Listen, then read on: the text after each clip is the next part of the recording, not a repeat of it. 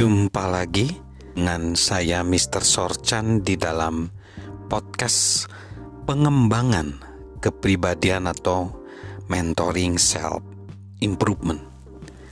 Kita belajar tentang disiplin diri yang bisa membuat kita sukses mendaki. Yang kita akan belajar tentang disiplin diri membedakan kesuksesan sementara dan kesuksesan berkelanjutan. Di sini ada satu hal penting terhadap pernyataan yang pernah diungkapkan di segmen sebelumnya. Segala sesuatu yang berharga menuntut pendakian. Ada pernyataan yang penting di sepanjang jalan. Di sepanjang jalan. Kenapa itu penting? Siapa pun bisa mendaki dalam durasi yang singkat. Hampir semua orang melakukannya, setidaknya sekali namun, bisakah kita mempertahankannya? Dapatkah kita mendaki setiap hari, hari demi hari, tahun demi tahun? Di sini bukan bermaksud mengecilkan hati kita. Kita menanyakannya karena kita ingin kita memahami apa yang diperlukan untuk memaksimalkan potensi pribadi dan potensi kepemimpinan kita. Karena itulah pernyataan ini benar. Harga kepemimpinan adalah disiplin diri. Brian Tracy menulis tentang pertemuannya dengan Jacob Meyer, penulis yang sukses dan melegenda. Ketika Tracy bertanya, mana prinsip terpenting dari ribuan prinsip kesuksesan yang ia temukan?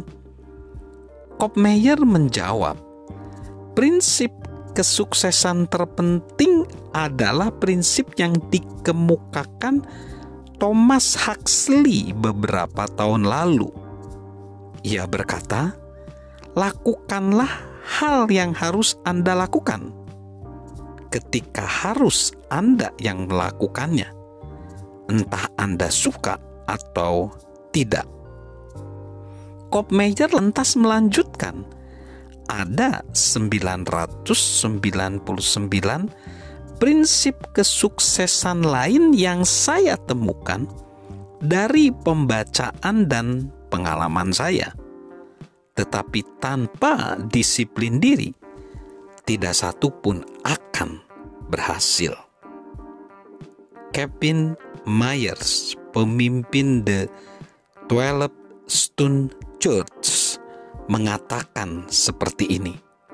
Semua orang mencari perkembangan instan, padahal yang mereka butuhkan adalah ketangguhan orang-orang yang mencari perkembangan segera berhenti bertindak benar begitu tekanan yang mereka rasakan terangkat. Orang-orang yang melatih ketangguhan melakukan hal yang seharusnya, apa pun situasinya. Setiap hari kita harus membuat keputusan apakah kita akan membayar harga. Cara pandang Rory Faden terhadap masalah sangat baik. Di dalam bukunya Take the Stair, ia menyebutnya sebagai pain paradox. Apakah kita akan melakukan tindakan mudah dan terasa nyaman dalam jangka pendek? Ataukah kita akan melakukan tindakan sulit dan sebenarnya memang nyaman dalam jangka panjang. Feden meminta kita menanyai diri sendiri, haruskah saya memutuskan untuk membeli sesuatu atau menyimpan saja uang saya untuk kebutuhan yang tidak terduga? Haruskah saya memesan hidangan pencuci mulut yang mahal atau menghentikannya malam ini? Haruskah saya mengerahkan upaya ekstra dalam masalah ini? Atau sekedar memberi upaya minimum yang diperlukan?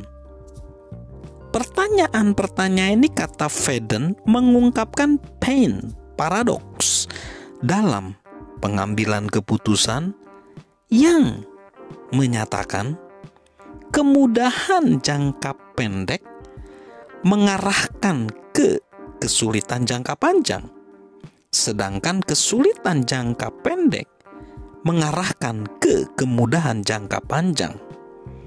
Paradoksnya, hal yang kita pikir mudah, sesuatu yang terlihat mudah, sesuatu yang nampak mudah seringnya membuat kita menciptakan kehidupan yang justru jauh dari kemudahan.